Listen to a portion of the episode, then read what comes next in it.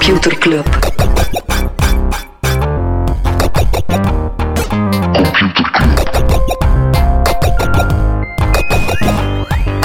Computer Club. Hey Smolly, Hey Freddy, welkom, welkom terug. welkom. Welkom bij Computer Club, een wekelijkse podcast over technologie. Iedere aflevering selecteren Freddy en ik een eh, interessant artikel en presenteren we een feitje. Ja, we maken ook een medogeloze round-up, alleen medogeloze kritische round-up van ja, technieuws dat toch niet belangrijk genoeg is Ja. om het hoofditem te zijn, om de headliner te zijn. Wat, Zoals- wat staat er in het voorprogramma? Goh, ehm, Greg Tomp, die was president bij Zoom, die is aan de deur gezet. Hij wordt niet vervangen. Dat was de man die net onder de CEO stond. Hmm. Erik Juan, Juan, Y-U-A-N. Ja, Zoom, Ja. ook zo'n bedrijf dat in de pandemie, in de coronacrisis heel hard gepiekt heeft en daarna alle dalen aan het verkennen is. Ja, maar dat is een beetje zo triestig. Zo, in plek dat ze gewoon die videocalling beter maken, blijven ze zo Zoom-chat en zo allemaal dingen zo van, we Mhm. gaan een soort totaaloplossing worden, maar zo bij nee, zorg gewoon dat die calls beter zijn. Of zorg dat je bijvoorbeeld in die call, zeg maar iets, een agenda kunt tonen. Nou, je weet dat zo. Of dat je niet op twee knoppen moet drukken als je uit een call eh, moet. Dat is zo bij Zoom het meest awkward, dat je zo end meeting en dan exit. Ja, ik doe altijd zo'n command quit. Ah ja. Ja, zo wel passief-agressief. Ehm, ik had vorige week over een andere ehm, Chinese man, alhoewel dat eh, Eric van Zoom geen... wel, nee, is een immigrant, ja, absoluut. absoluut.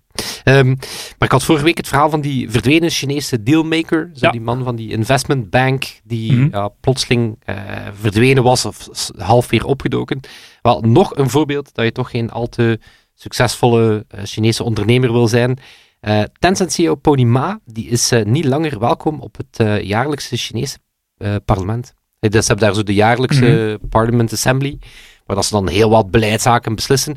Dus die eh, Pony Ma die was daar de vorige twee termijnen van vijf jaar wel geselecteerd als een belangrijke stem, is daar eh, uit de boot gevallen. En hetzelfde voor de CEO van Baidu, Robin Lee.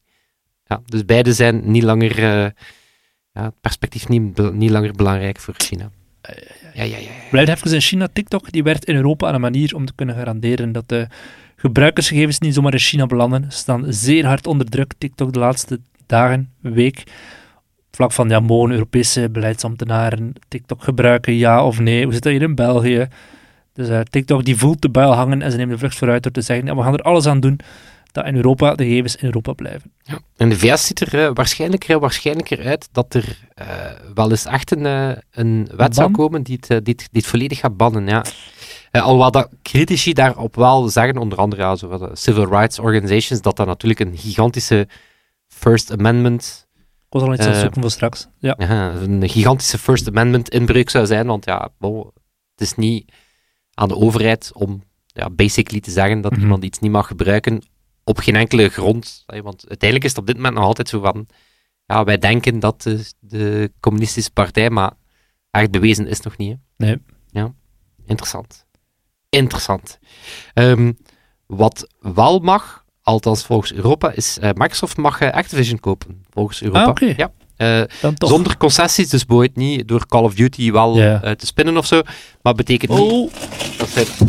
Wow, dat is echt de zotste geluidseffect ooit in deze podcast, maar er is een stuk muur naar beneden gevallen. Ja, dat is echt zot. Ik heb dat net opgevangen. En Freddy Allee, staat hier met één hand die muur tegen te houden. Ja, eh, zet hem maar terug recht, zou ik zijn. Of leg hem maar terug neer. Maar ik ga ondertussen verder. De show must go on. Eh, de prijzen van Tesla die gaan in de VS nog lager. De Model S die gaat bijvoorbeeld eh 5000 dollar goedkoper worden. De Model X die zal eh 10.000 dollar goedkoper worden, maar liefst 9,1% lager. Dat heeft alles te maken met ja, uitdagingen waar Tesla voor staat als bedrijf en hoe dat ze willen opvangen. We hebben daar aflevering 231, die gaat ook erover. Freddy, gaat het nog? Ik heb het gevoel dat we een, podcast aan het doen terwijl ik aan het verbouwen ben. Eh, ja. Alright. ja. Heb jij nog nieuws? een van die andere panelen. Oh, Eh, ja, bon, dom. mensen vragen zich soms af, maar, eh, knippen jullie daar dan in? En zo? Ja. Nee. Nee, Ja. we hebben al kuisvragen gehad die binnengekomen zijn. Licht uit veel. Lichten die uitgevallen zijn. En nu letterlijk een stuk muur aan beneden valt. Ja, ja, ik mis wel de tijden dat we echt eh, in het letterlijk bergkot Ja, tussen, ja. De, tussen de palet en Coca-Cola. en zo, Toch een eh. beetje weer die vibe. ja, hier je zitten met een stuk muur in je hand. ik, heb- ik heb gemerkt dat bij mijn voorbereiding dat ik twee items non- nieuws had, waarbij dat ik begon met ouch. Oei. Ja, dus één, ik had toen al niet veel originaliteit. Eh, en ja, dat was wel, voordat ik wist dat die muur hier naar beneden ging komen. eh. Eh, maar dus ouch, een e-mail-app Bluemail, die zijn geweigerd door de App Store, omdat het, we hadden nog geen ChatGPT nieuws, hè, omdat het uh, autocomplete aanbiedt via ChatGPT, Mhm. waarvan dat Apple zegt, ah ja, oké, maar die app moet dan de rating 17 plus krijgen, aangezien dat er geen garanties zijn dat dat geen kindonvriendelijke dingen zal suggereren. is wel een beetje een weirde flex, maar het toont toch... Hey, heel vaak is dat zo, Apple, een of andere reviewer, die daar dan een uitspraak over doet, en dat is dan wel vaak de reden dat ze er grondiger naar kijken, want eh, dat, dat is zo president van, oké, wat, wat Ja. gaan we eigenlijk doen met al die eh, GPT-like eh, apps? Nu, Bing, die had wel al die age-rating, aangezien dat die als zoekmachine ja, sowieso adult content kan aanreiken. Ja. Wist ik niet, dat eigenlijk een zoekmachine, dat dat dan zo 18 plus. 18 of zelfs 17 plus, 18 plus Ja. is of zo. Ja. Wil je weten wat de andere ouch is? Ja, Twitter is zijn facturen niet aan het betalen, waaronder ook zijn hostingfacturen niet dat bij AWS. passeren. 70 miljoen staan ze, daar, eh, staan ze daarachter. En Amazon die dreigt hun advertenties op Twitter stop te zetten. Maar ik zou dan denken, ja, het kan even goed dreigen om je? Ja, cloud services stop te zetten, want ja, bon, ehm, aan dit tempo Mhm. gaat, de, gaat die website toch van zichzelf al eh, offline gaan of zo. Ik kon even aandacht voor het eh, mooiste persbericht van deze week.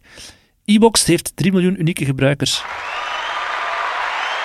Is dit een ironisch applaus? Ja, dat zijn allemaal mensen die naar e-box gestuurd worden om dan te beseffen dat ze een pdf moeten downloaden waarin er staat dat ze een link moeten aanklikken waarin er staat dat ze naar... Min, Maar min, moeten gaan. moeten gaan, ja. Absoluut. Nee, fantastisch nieuws. Eh, e-box heeft 3 miljoen unieke gebruikers. Dat is echt zo, het, echt zo van die fases. Hè. Dat was zo, ooit was zo de fase, was zo de digitale inbox. Zo van, ja, zo weet je, we Ah, moeten de digitale inbox. Iedereen moet een digitale inbox hebben. Ja. Want mails, dat is niet zo. Ehm, dan ze zo de digitale kluis. Ja. Dat is nu, nu zo het moment van, we moeten toch allemaal een digitale kluis en zo. Ja, of een digitaal nee. huisje. Ja. Met een digitaal Hey, voertuig. pas op, niks tegen veilige omgevingen om documenten en Mhm. communicatie in te doen, maar zo Soms zit de flow misschien... eh, niet helemaal lekker. nee. Niet helemaal lekker. In tegenstelling tot deze podcast, zolang dat de muren overeind blijven staan. Wat mensen thuis ook niet zien, is dat ik hier een van die muurpanelen nog altijd vast nog hebben. altijd vast heb. Ja. Het zijn, het zijn mooie panelen. Het zijn panelen die ooit gemaakt zijn tijdens studio Shift door eh, Musketon, die daar live aan het tekenen was. En die staan hier voor de dikke sfeer in ons kot. Ja, Eh, maar ja, bon, ze zijn losgekomen. prachtig. Ik heb het ook echt vast met mijn linkerhand. Ja, dus vamos. We duiken in de materie, hè, Freddy? Ja. Alright. In de Verenigde Staten worden sommige politici heel zenuwachtig wanneer het gaat over artificiële intelligentie. Probleem is, ze willen het in wetten gieten. Ze, ze willen het aan banden leggen, zoals hij nu net zei, ook over Bing. Maar het probleem is dat heel veel politici niet eens weten waar het over gaat. Er is eigenlijk maar één politicus, eh, een republikein, die heet Jay Obernold, die een master in artificiële intelligentie heeft. Al de rest, die, heeft, die hoort echt in keulen donderen als het erover gaat. En Jay die zegt ook zelf van, ja, we kunnen het echt niet reguleren, zolang dat mensen er geen grondig verstand van hebben van, hoe werkt het nu? Wat, wat is dat? Ehm, ja, dat is al een probleem. Aan de andere kant in de Verenigde Staten, nog meer dan hier, heb je bedrijven die de boel gaan proberen vertragen als er regulering aankomt. Die zeggen van, oh, pas op, China gaat ons inhalen als je ons te hard aan banden legt. Wat dan weer op hun beurt tot kritiek leidt van, ah, maar die bedrijven die gaan te laks omspringen met die wetgeving, waardoor dat veiligheid in het gedrang komt, et cetera. Er is een regul- regulatoire vacuüm en de New York Times heeft een stuk geschreven. Daarin zeiden ze, kijk, als er iemand het goed doet, dan is het de Europese Unie. En eh, dan verwijzen ze specifiek naar de wetten die in 2021 zijn voorgesteld, die nog niet in voegen zijn, maar die er oh, hoogstwaarschijnlijk wel gaan komen. Dat was een document van 108 pagina's, waarin dat, eh, ze vooral focussen op AI die heel veel schade kan veroorzaken. Facial recognition, eh, technologie dat te maken heeft met kritische infrastructuur, ik denk maar aan watervoorziening of whatever. Ehm, dat ze daar echt gaan regels schrijven die erop neerkomen dat bedrijven zelf een risk assessment gaan moeten uitvoeren. Zelf moeten zeggen wat is het risico op vlak van gezondheid, op vlak van veiligheid, op vlak van vrijheid van meningsuiting, al dat soort zaken.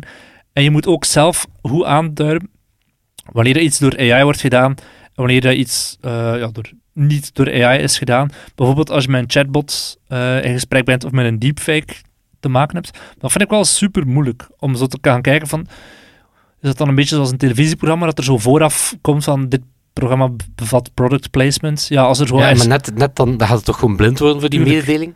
als er zo'n softwarepakket opent en er staat zo ergens onderaan van dit product kan... Maar ja, dat gaat overal zijn. AI bevatten, er zal ja. altijd wel ergens een algoritme zijn of zo. Dat ze, ja. Maar ik vind dat wel interessant op zich, die ethische vraag, want ik ben nu zelf ehm, met deepfakes bezig. Ik heb software gevonden om dat mee te doen. En als ik een foto van Elon Musk... Het is de software waar je een foto van iemand uploadt en dan kan je die dingen laten zeggen dat die persoon natuurlijk nooit gezegd heeft. Als ik een foto upload van Elon Musk, dan zegt die software, ja, dat is een bekend persoon, dat mag je niet gebruiken. Gaan we niet doen. Maar als je een foto van de Bosre Frederik uploadt, niet. Dat zou perfect lukken. Maar dan is de vraag inderdaad, wie bepaalt er wie dat er een bekend persoon is of niet? Dat is een ja, beetje hetzelfde zoals ja, met maar de- ook, ook dat klopt toch eigenlijk ook al niet. Dat ze van... Ja, nee, nee. Een bekend persoon imiteren, dat gaan we niet doen. hè, Mhm. maar zo... Maar gewoon iemand anders imiteren Ja. en die kloten, nou ja, dan, van die huistuin-keuken imitaties, dat mag dat wel of zo. Ja, met die software Als eh, ik kan- die Smolders zijn leven overpak. Moet ik je straks geen maken? Wat Freddy die zegt? Jawel, absoluut. Nee, maar het- ook daar, kijk, voor het vlak van lokale politiek, zou Philippe Pathé alles kunnen laten zeggen, want in de ogen van die software is dat geen bekend persoon, maar hier op lokaal niveau kan dat mega schadelijk zijn natuurlijk. Hè. Dus dat vind ik wel interessant. Hoe gaan we daar überhaupt de regels aan leggen? De Europese regels, dat is een beetje zoals met de GDPR, zijn super strikt en ook op vlak van financieel, allee, op financieel vlak kan er veel impact hebben. Als je ze niet volgt, kan je tot 6% van je wereldwijde omzet als boete krijgen. Dus ja, in het geval van een Google en een Microsoft kan echt wel dodelijk zijn. Ehm, vandaar ook Sundar Pichai in 2020 is komen lobbyen. Die zei van, oh, maar heeft, technologie heeft ook heel veel potentieel, laten we niet te hard aan banden leggen, want bla bla bla. Ehm, maar ze gaan bijvoorbeeld ook in Europa heel diep in op hoe gaan rechtbanken en politie, eh, politie, pol- Politici. Politici. politie, politie, de flikken omspringen met AI. Ehm, Niet. niet, ja, hij zegt het niet, maar je merkt het wel dat in de juridische sector het eindelijk in gang begint te schieten. Kijk naar het succes van Henchman, opgericht door de mannen van, van Intuo, die nu weer 6 miljoen hebben opgehaald. Die de juridische sector, oké, dat is weliswaar niet schadelijk tussen aanhalingstekens, het is meer hoe gaan we het werk van juristen... die juristen helpt om efficiënter contracten op te stellen Ja. door slimme de suggesties te doen. Ja, als je voor het, eh, als jurist een contract wil opstellen, heb je vaak het gevoel van, ah fuck, we hebben hier ooit in 2017 een gelijkaardig contract moeten opstellen, maar ja, begint dan maar een keer te zoeken. Dus wat Henchman doet is, je begint te typen als jurist en dan zegt die software, ah, er zit een module of een clausule of wat dan ook, die je zou kunnen hergebruiken. Maar dat is nog zeer safe en, en het heeft niet echt impact, maar als het uiteraard gaat over rechtbanken of over de politie, dan kan dat zeer veel impact hebben rechtstreeks op de rechten van mensen. Maar in de VS zitten ze dus nog een beetje op hun honger te wachten. Er is wel al heel lang kritiek, gek genoeg, ook van Elon Musk, die in 2015 samen met Stephen Hawking nog heeft gewaarschuwd voor de gevaren van technologie. Ehm, ja, en dan de bazen of de toplui van OpenAI hebben dan zo'n beetje eh, al lachend in twijfel getrokken en gezegd van ah, het zal maar zo'n vaart niet lopen, dat zal nog jaren veraf Ja, maar zijn. dat was dat boomscenario. OpenAI in de tijd opgericht was. Hè? Ja. Dat is ook een gigantische joke, hè, toch? We zijn een feit- NGO en dan plots... Ja, eh, ja, zo van, ah, weet je, het is belangrijk, die technologie is zo cruciaal, dat die niet enkel bij commerciële techbedrijven mag zitten. Ja. Oké, fantastisch werk doen. Oké, bij deze worden we een supercommercieel bedrijf die... eh, 24 euro per maand vraagt. Ja. Ja, het grappige is, als we dan echt hebben over commerciële bedrijven of niet-commerciële bedrijven die zich roeren, wie zich ook mengt is het Vaticaan. Die hebben samen met eh, Microsoft en IBM gepleit voor we hebben ethische nog een AI. eh, podcast over gedaan. Ethische AI, waarin dat bedrijven dus open kaart moeten spelen over hoe dat technologie werkt. eh, privacy moet gerespecteerd worden Ja. en bias moet Ik herinner mij niet meer waarover, wat, waarover dat die apps allemaal geleden. ging. Het is al lang geleden. 2021. Ja, ik weet dat ik toen zo'n een visual gemaakt heb van een pausmuts in ASCII art. ja, dat, dat, dat weet ik wel. Maar dat dus. was wel zo... Ik weet dat ik toen onder de indruk was van, oké, wow, die pakken op zich wel nog redelijk wat dingen vast. En die, die bereiken wel echt nog zo... Dat is samen met Microsoft en IBM. eh die, die hebben echt nog wel een track record eh, op dat vlak. Dat er ook een track record heeft, Freddy? Wij, een computerclub, met elke week onze Computerklas. Damn. Knap. Knap, knap, knap. Oké, wij maken ons er ook eh, schuldig aan, Smolly, door elke week een podcast te lanceren, maar we produceren dus met z'n allen eh, tegenwoordig massaal veel data. Ik zou daar een weetje kunnen over doen, Ja. zoals het feit dat we bijvoorbeeld 59 petabyte aan data per dag creëren. Petabyte, dat is 59.000 terabyte of 59 miljoen gigabyte. Kwestie om daar om dat is een harde schijfjes te rekenen en daarover gaat het weetje wel, want hè, waar gaan we al die data kwijt kunnen? Vraagteken. Op harde schijven natuurlijk, in datacenters enzovoort. Maar eh, we bereiken intussen een beetje de limieten van die technologie. Eh, en met name het feit dat daar ja, toch wel wat de problemen eh, inherent verbonden aan harde schijven. Ehm, misschien eerst starten met zo de klassieke harde schijf, hè, zo met een eh, draaiende schijf. de SSD. Nee, Nee, geen SSD, dus geen solid state hard drive, maar echt een waar Ja. dat zo die aan rounds per minute draait, waarbij dat er dan zo'n oogje echt zo die draaiende schijf aan het uitlenen is. Ehm, wat Wel, eigenlijk hebben die maar een levensduur van pakweg vijf jaar, omdat er tal van dingen mee kunnen mislopen. Uh, mechanische defecten bijvoorbeeld. Uh, stof, en dat wist ik bijvoorbeeld niet. Uh, als er stof ligt op zo'n schijf en die draait aan 7200 toeren, als er dan een beetje stof onder die laser belandt, dat is het equivalent van een auto die aan 100 km per uur over een drempel rijdt. Maar die schijf zit vast, dus die kan niet opveren. Dus die knalt gewoon ter plekke. En dat is effectief waarom dat de schijf crasht. Goed, hè? Gewoon een beetje stof. Ja, gewoon een klein beetje stof. En, en, daar ga ik ze op in van wat gaan we er dan aan doen. Maar, dat wist ik ook niet, bitrot is blijkbaar een ding waarbij dat bits, want dat is natuurlijk wat de harde schijf is. een bit is eigenlijk een microscopisch klein stukje van die schijf. Mhm. Die is magnetisch geladen, positief of negatief. En dat leest die computer dan uit als 0 of 1. Eh, maar dus bitrot is waarbij dat die bits uh, hun waarde verliezen of zelf erger nog omdraaien. Waarbij dat die ja, magnetisch laten verliezen of dat die... En dan veranderen die spreadsheets plots in nudes van naar... Ja, het gebeurt zomaar wat het inderdaad bij mij echt vaak gebeurt. Echt zeer vervelend. En dat komt omdat we die um, stukjes zo dicht op elkaar um, uh, gaan, uh, gaan zetten. Ja. Um, maar die flippen ook door de temperatuur. En uh, wat heeft temperatuur ermee te maken? Wel, die schijf die heel snel draait, genereert natuurlijk frictie in lucht. En dat verhoogt de temperatuur. Daarmee dat bijvoorbeeld datacenters ja, massaal veel airco en koeling mm -hmm. nodig hebben. En dan kan je denken, inderdaad, die SSD-schijven, die solid states, die sneller zijn, die hebben dat probleem van draaien enzovoort niet. Maar het nadeel is dat die blokjes, dat je, uh, dat je die maar een aantal keer kan overschrijven. Dus zo'n SSD is niet tot oneindigheid geldig. Eens dat je die een aantal keer ja, zo'n vakje oplaadt, uh, uh, stopt dat. En die hebben het voordeel, die bewaren een waarde zonder stroom, maar als je die echt een aantal jaar niet gaat gebruiken, dan ben je het ook kwijt. Dus zo permanent is dat allemaal niet. Um, wat wordt eraan gedaan? Was er wat de innovatie in Schijfland? Western, ja, dus ik zat even in een heel specifieke rabbit hole. in Schijfland. Ja, Schijfland, dat is een goede titel. Um, Western Digital, die ken je misschien, WD, die werkt aan schijven met helium. Uh, en helium zou als voordeel hebben, heeft als voordeel dat dat één zevende zo dicht is, zo dennis is als zuurstof, dus minder frictie bij het draaien, dus minder hitte. Dus dat zou Mm. dat probleem van die bitrot kunnen aanpakken. Um, Seagate, nog zo'n merk, die kiezen voor een heel andere approach. Die gebruiken lasers om die schijf mega warm te, te maken, waardoor dat ze blijkbaar ja, nog kleinere, kleinere sectoren en bits kunnen gebruiken. Ze kunnen bijvoorbeeld 2 terabyte op ongeveer 5 vierkante centimeter krijgen. Ja. Maar het nadeel daarvan is dat dat dan weer dermate veel energie kost om die laser op temperatuur te krijgen om het te doen.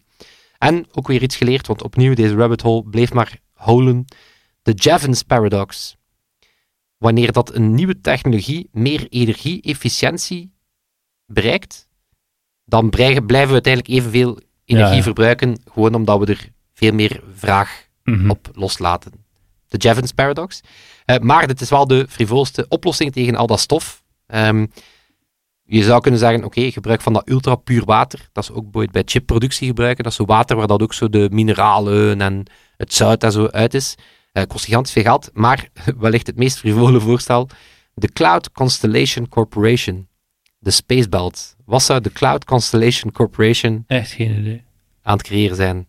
De Spacebelt Ah, de schermen netwerk, ja, netwerk van datacenters in de ruimte, wat dan ja, een beetje de ultieme cleanroom uh, is, waardoor dat je ja, eigenlijk al geen stof of microbes kan hebben, maar bon. Uh, maar dus ja, harde schijven, staat er niet vaak bij stil, maar ze hebben dus een uh, absolute houdbaarheid, en we hebben ze toch wel Vijf nodig om onze... Lang, nee, nee, maar, dus, uh, maar ook ja, het feit dat ik ooit niet wist dat een, uh, een harde schijf die crasht, dat dat ook letterlijk komt omdat dat ding eigenlijk gewoon gigantisch snel over een snelheidsdrempel rijdt. En maar omhoog kan. Tegen zichzelf knalt. Ja, bon. Harde schijven, ik zat er even vrij diep in. Nog zoiets waar daar veel mensen waarschijnlijk niet over nadenken. Ik ging zeggen, jij denkt er waarschijnlijk niet over na, maar je hebt geen iPhone, is het scherm van je iPhone.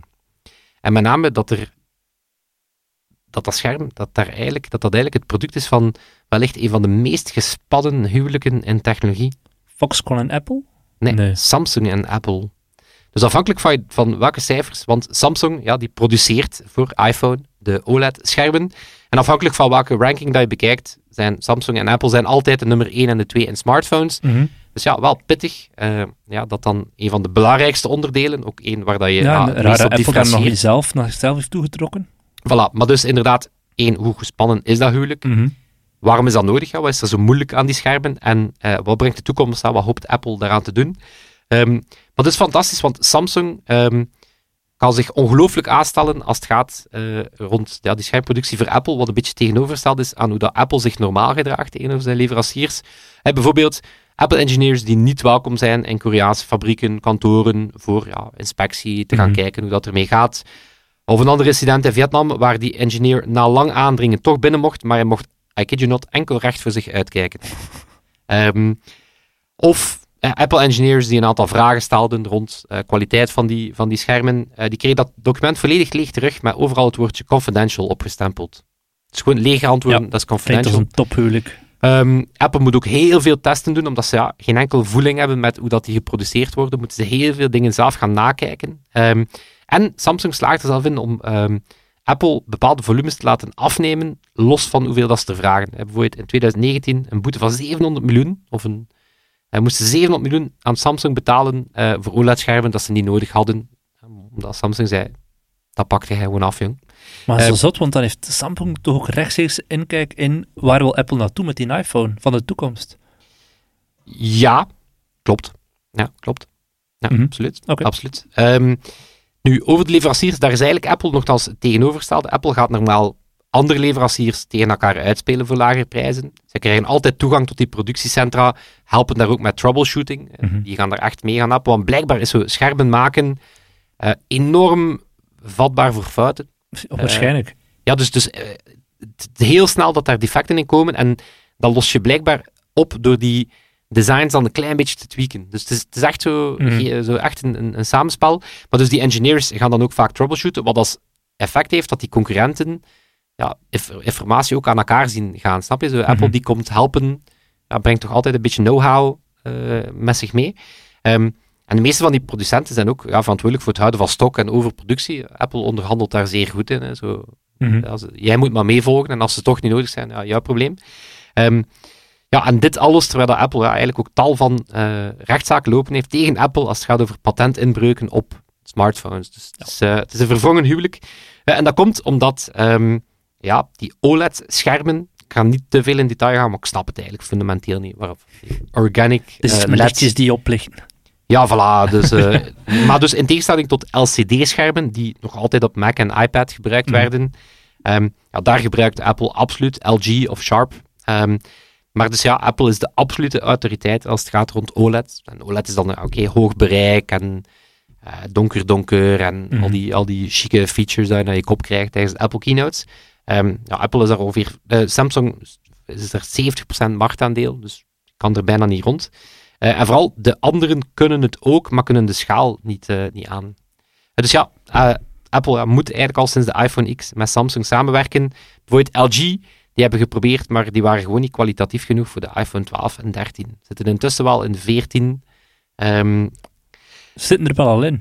ja, en dus Apple, die zijn zelf, eh, ja, dus, dat is ehm, een van de laatste dingen, eh was gaan onder andere ook eigen modems gaan Mhm. bouwen, ook, ook eigen modemchips. eh, dus, maar een van die laatste zaken waar dat ze nog heel afhankelijk zijn van, ja, basically een rechtstreeks concurrent.